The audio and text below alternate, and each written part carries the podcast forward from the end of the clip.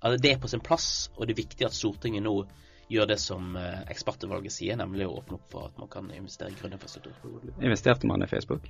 Nei, men investerte heller i Formel 1, som, eh, hvor, det, hvor, det, var eh, noen utfordringer knyttet til eierskap. Hjertelig velkommen til en ny episode av Podkraft. Mye har skjedd siden sist vi var samlet i studio. Blant annet har man fått en klimaavtale i Paris. Men vi er såpass sjølopptatte at vi vender blikket mot Norge. Med meg som vanlig så har jeg eh, Jørgen Gudmundsson i Sparebanken Vest. Velkommen til deg, eh, Jørgen. Tusen takk for det, og takk for sist. Eh, og Lars Henrik Porup Mikkelsen, fremdeles eh, daglig leder i eh, Norsk Klimastiftelse. Helt riktig. Takk skal du ha. Ja. Jeg fremdeles høres ut som på vei ut, egentlig. Men, eh, på vei opp? På vei opp. Hvor kan du gå etter å ha vært daglig leder? Skal du bli styreleder? Nå er vel ikke denne klimaministerposten satt han av denne? Jo, Vidar Helgesen har tatt den. Han har tatt, han har tatt. Takk han ja. Mye tyder på det. Ja. Eh, vi skal begynne med, med, en nyhet som kom eh, onsdag morgen. og Det er at eh, Statkraft ikke lenger kommer til å satse på havvind. De har ikke penger, det er for kostnadskrevende. Og det er naturlig å sette dette i sammenheng med at de likevel måtte betale utbytte for perioden 2016 til 2018, en sum på 5 milliarder kroner som kom gjennom budsjettforliket for et par uker siden. Eh, dette kom nettopp, eh, og vi har ikke satt oss sånn fryktelig godt eh, inn i det. Eh, men sånn umiddelbare reaksjoner Jeg kan begynne med deg, Lars Andrik. Hva, hva tenker du? Nei, jeg tenker at uh, det, som, uh, det som kom i statsbudsjettet, da, det måtte jo, det måtte jo få konsekvenser. Uh, nå tenker jeg ikke at dette er sånn superalvorlig det virker, altså De har ikke noen sånn umiddelbare konsekven, konsekvenser, det som uh, Statkraft sendte ut, men de gir noen signal.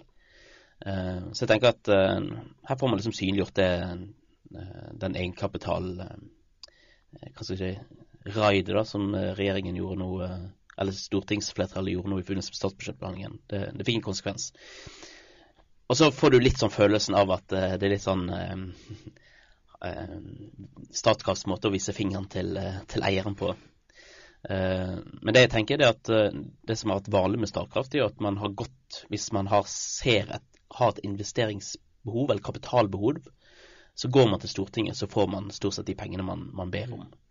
Eh, så jeg tenker at hvis Statkraft mener at nå går vi glipp av investeringer som vi burde gjort, så mener jeg at de burde gått til eieren sin og sagt at hei, vi trenger, vi trenger ekstra kapital politisk eh, innblanding i næringslivet, Jørgen. Det er jo et favorittema hos deg. Ja, jeg, til med, jeg, jeg syns dette er jo eh, veldig, veldig dårlig bruk av eh, offentlige midlene eh, vi får disponert. Men eh, to ting som jeg liksom eh, har gjort meg opp Eller hvis jeg får lov til å synes litt, noe jeg aldri gjør, jeg bare har fakta, så, så, er, det, så er det det at det at det, Statkraft trekker seg ut, betyr ikke at uh, prosjektet uh, er dødt. Det er jo, hvis det er lønnsomt, så er det andre investorer som står sikkert klar for å, for å kaste inn penger der. sånn. Så det, i likhet med Lars Henrik, det kan jo også være et politisk spill der, sånn som når sykehusene truer med nedleggelse av barselavdelingen i, i budsjett, budsjettsaker. Så, dette er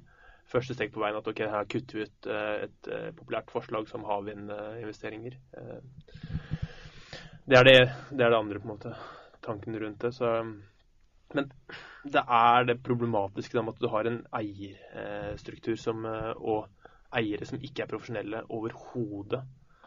Uh, og det, det lider uh, Statkraft under nå, og det kommer sikkert til å gjøre i fremtiden.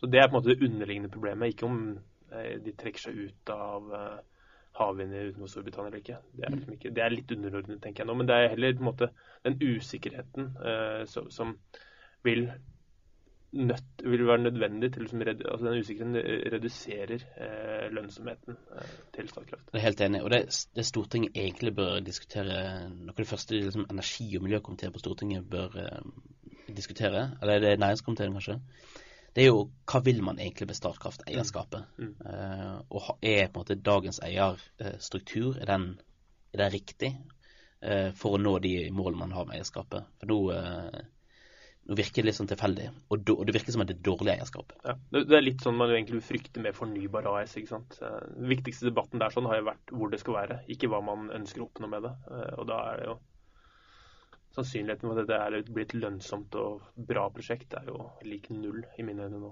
Lokaliseringsdebatt, det er jo eh, Det trumfer alt. Det trumfer alt. Det er like norsk som eh, Hva kommer ostehøvel? Dugnad. Dugnad. Ja. Dugnad er veldig bra. Um, jeg får ikke lov å være med på julebordet til Bergstine, men jeg fikk være med på dugnaden. Det er på en måte en løsning jeg er komfortabel med. Uh, vi får se hva som skjer med Statkraft. De har i hvert fall sagt at investeringsbeslutningen på um, vindkraftprosjektet sitt på Fosen sammen med en rekke andre partnere sannsynligvis kommer første kvartal i 2016. Eh, skal de bestemme seg for om de, det blir noe av eller ikke. Så vi får se hva som skjer. Over til det vi egentlig skulle mm, snakke om i dag, og som vi har forberedt oss på. Eh, det har skjedd store ting den siste uken. og Vi snakker om redningen for alle Norges problemer til evig tid, nemlig oljefondet. Eh, mye tyder nå på at oljefondet kommer til å få lov til å foreta investeringer i såkalt unotert infrastruktur. Eh, I forrige uke så anbefalte eh, et eh, regjeringsoppnevnt ekspertutvalg at man åpnet for denne type investeringer, og etter å ha veid frem og tilbake så konkluderer de med sitat etter vårt syn vil det være feil å ikke vurdere disse to investeringsuniversene nøye. De snakker da om eiendom og unotert infrastruktur. Eh, begge innehar store muligheter, imidlertid med siden de har en rekke risikomoment, er en gradvis tilnærming å anbefale. Omtrent på samme tid så skrev òg eh, Norges Bank brev til Siv Jensen eh, med noenlunde samme ordlyd. Og så på tirsdag i denne uken så kom det fram i eh, Dagens Næringsliv at eh, Yngve Slyngstad, oljefondets leder, har eh, skrevet brev til eh, nevnte Jensen og sagt at de òg er klar. Banken mener det vil være mulig å gjennomføre investeringer i infrastruktur for fornybar energi med samme krav til lønnsomhet som for andre investeringer, står det i det eh, brevet. Um, og først, eh, Jørgen, Mm. hva er egentlig unotert infrastruktur? Hva ligger på en måte i begrepet unotert? For det er jo der endringen ligger. Notert, for å ta det først, notert er det som omsettes i et offentlig, eh, åpent marked, altså type Oslo Børs. ikke sant? Da er, det det notert uh, verdipapir som, hvor prisen uh, er synlig til enhver tid, og da kan på en måte hvor man lettere får reflektert uh, verdiens underliggende og, og risiko, eller risiki i flertall. Unotert er da det motsatte. Det er helt i andre enden av skalaen. ikke sant? Det er et, helt i oppstartsfasen av et selskap som ikke Eller et eh, prosjekt. Det kan være Et godt eksempel er jo vei. ikke sant? En infrastruktur. Jeg ofte, tenker meg ofte på vei. Eh, Et veiprosjekt det er jo gjerne unotert. eh, eh, Og du tar, har en mye større eierandel. eh, Og, og sånn sett er det opp, eh, eh, oppleves det som mye større risiko, for det er jo da et, et prosjekt alene står og henger og folk på det. Men det kan også gi en mye bedre avkastning over tid hvis du har eh, truffet riktig ved på en måte valget. ikke sant? Det er liksom, så, et annet eksempel som tror jeg også har stått i Dagens Næringsliv, var uh, Norges Bank, eh, eller NB med oljefondet sin vurdering om å gå inn i Facebook før uh, de noterte seg på børs. Altså en unotert uh, unotert investering. Og da på en måte få trekke gunst av at når de først da kommer på børs, og hente høste avkastningen av det da. Så det er den unoterte korte, korte ordet. Investerte man i Facebook? Nei, men jeg investerte heller i Formel 1, som, eh, hvor, det, hvor det var eh, noen utfordringer knyttet til eh, eierskap. Så vi, altså ledende personer i, i, i, eierskapet. så vi, vi kunne på en måte hengt med Mark Zuckerberg, og så en, en, Ja, men- endte vi opp med Bernie Ecclestone istedenfor. Ja, nettopp. Men Ja. Jeg, jeg tror det viste i etterkant at Facebook ikke var en lønnsom eh, investering. Sånn, Men det er jo kult. ja, det er mye kulere, men, ja, men heldigvis er det på en måte lønnsomhet som skal vurderes. Det er jo åpenbart at jeg ikke er økonom. Um, Lars Henrik, nå kommer oljefondet. Nå kommer alt til å ordne seg. Altså, det eh, Nei. Men eh, nå, nå fikk du akkurat en eh, ny klimaavtale som skjerper på en måte de langsiktige målene. Og det som, det som er klart, er at i den overgangen man skal nå, fra på en måte en fossil tidsalder til en fornybar tidsalder, så skal det investeres enorme summer i eh, fornybar energiproduksjon og distribusjon eh, og annen inf infrastruktur. Og det man vet, er at veldig mange av disse prosjektene her, de er unoterte. Så de største investeringsmulighetene, eller flesteparten, de finnes de er ikke på børs. Um, og så vet man òg at det finnes um, si, Er det noen som er egnet for å investere i en havvindpark eller en rørledning eller jernbanestrekning som har en veldig lang tidshorisont, så er det jo nettopp pensjonskapital som uh, på en måte kan uh, kan sitte litt stille i båten, trenger ikke være så engstelig for på en måte kortsiktige risikoen, men som kan tenke flere tiår fram i tid. Mm. Og Det sier jo alle at institusjonell kapital, som den oljefondet representerer, de må inn og være med på, en måte, på dette grønne, grønne løftet, finansieringsløftet. Uh, og I dag så er det et uh, finansieringsgap, sies det, på ca. 1000 milliarder dollar. som investeres ekstra i, i grønn infrastruktur. Og da, Du får aldri dekka det gapet uten at oljefondet og tilsvarende fond, eh, investorer, går inn i, dette markedet. Bare for å sette det tallet i perspektiv, så er 1000 milliarder dollar mer enn eh, hele oljefondet. da. Så det er litt, nesten, ja, nest, ja, et vel oljefond. Og så er det en og så, så, er det jo en litt sånn eh, altså At oljefondet ønsker dette, det har de jo gjort for så vidt lenge. Mm. Altså De sendte jo brev til Finansdepartementet i 2010 hvor de sa at eh, man burde utvide investeringsuniverset til, til fondet. Eh, og Det som sånn, har vært merkelig, det er jo at man har i dag åpnet opp for at oljefondet kan kjøpe eiendommer, fast eiendom som, som er unoterte, mm. Eh, men ikke i et kraftanlegg, f.eks. Mm. Og det er jo ikke noe egentlig veldig sånn prinsipiell eh, I hvert fall ikke noen prinsipiell forskjell mellom de to. Eiendomsmarkedet er kanskje mer, eh, mer, mer, modent, og man har mer kunnskap om det. Men det var helt på sin plass. Altså, det er på sin plass, og det er viktig at Stortinget nå gjør det som eh, ekspertutvalget sier, nemlig å åpne opp for at man kan investere i grønn infrastruktur. Ja, jeg er helt enig. Det er sånn jeg også opplever Norges Bank. og De har vært veldig tydelige på at dette er noe de ønsker og har ønsket lenge, nettopp for å, å kunne spre risiko eh, og diversifisere investeringsporteføljen. Jeg ser på eh, oljefondet har en sånn fantastisk teller på nettsidene sine eh, over markedsverdien. Eh, og Det første som slår meg, er at det teller fryktelig fort nedover akkurat nå. Eh, men det er jo snakk om Man har, man har nevnt et, eh, en sum på ca. 5% av fondet. Det, altså, det er jo eh, på ingen måte bekreftet, men det har vært nevnt flere steder at det kan være en, en, en høvelig prosentandel. Og Da snakker vi om, iallfall basert på på den eh, totale verdien, når jeg regnet dette ut i går, um, ca. 363 milliarder eh, kroner. Altså 5 eh, ca. 363 milliarder kroner. Og så ble det vel investert sånn ca. 270 milliarder dollar innen fornybar energi i verden i fjor. Og så slo det meg at det er jo ikke så sabla mye disse fem prosentene. Jeg ble nesten litt sånn skuffet. Jeg alltid trodd at oljefondet liksom var det største i hele verden. Men det er det jo åpenbart ikke. Men altså, hva, eh, hvordan tror du, eh, Jørgen, oljefondet altså Gitt at de nå da får en endelig go, som, som fremdeles eh, er uklart. Hvordan tror du de vil gå fram eh, i sin tilnærming til sektoren? Jeg, jeg, tror de kommer til å gjøre det litt på, over samme lest som de gjorde det med fast eiendom. Altså de bygge seg gradvis opp, både, på, altså, både for å bygge kompetanse internt. Eh, eh for, dette, som Lars Henrik også sa, dette er jo et mye mindre modent marked. Det er jo Og var det du sa for noe? Det var 200 eh, milliarder i fjor. 270 milliarder ja, dollar. Knappe 300 milliarder dollar som ble investert i fjor. Eh, hva var det i 2013? Ja, sikkert mye mindre. Så det er jo egentlig et marked, veldig eh, ungt marked i utrolig stor vekst.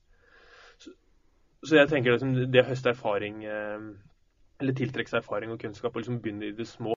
Altså, Oljefondet de eh, de kan investere opptil 5 av porteføljen i eiendom i dag. Um, og så sier Slyngstad uh, han skriver, skriver at uh, altså Norges Bank ønsker ikke et tak på unoterte infrastrukturinvesteringer. En del oljefondet viser jo òg i et sånt notat de har satt ut, at en del institusjonelle investorer de investerer jo opp mot 15 mm. på porteføljen. Så dette kan jo òg heves. Og det ser du med eiendom nå, at det er krefter som ønsker å heve på en måte 5 %-taket.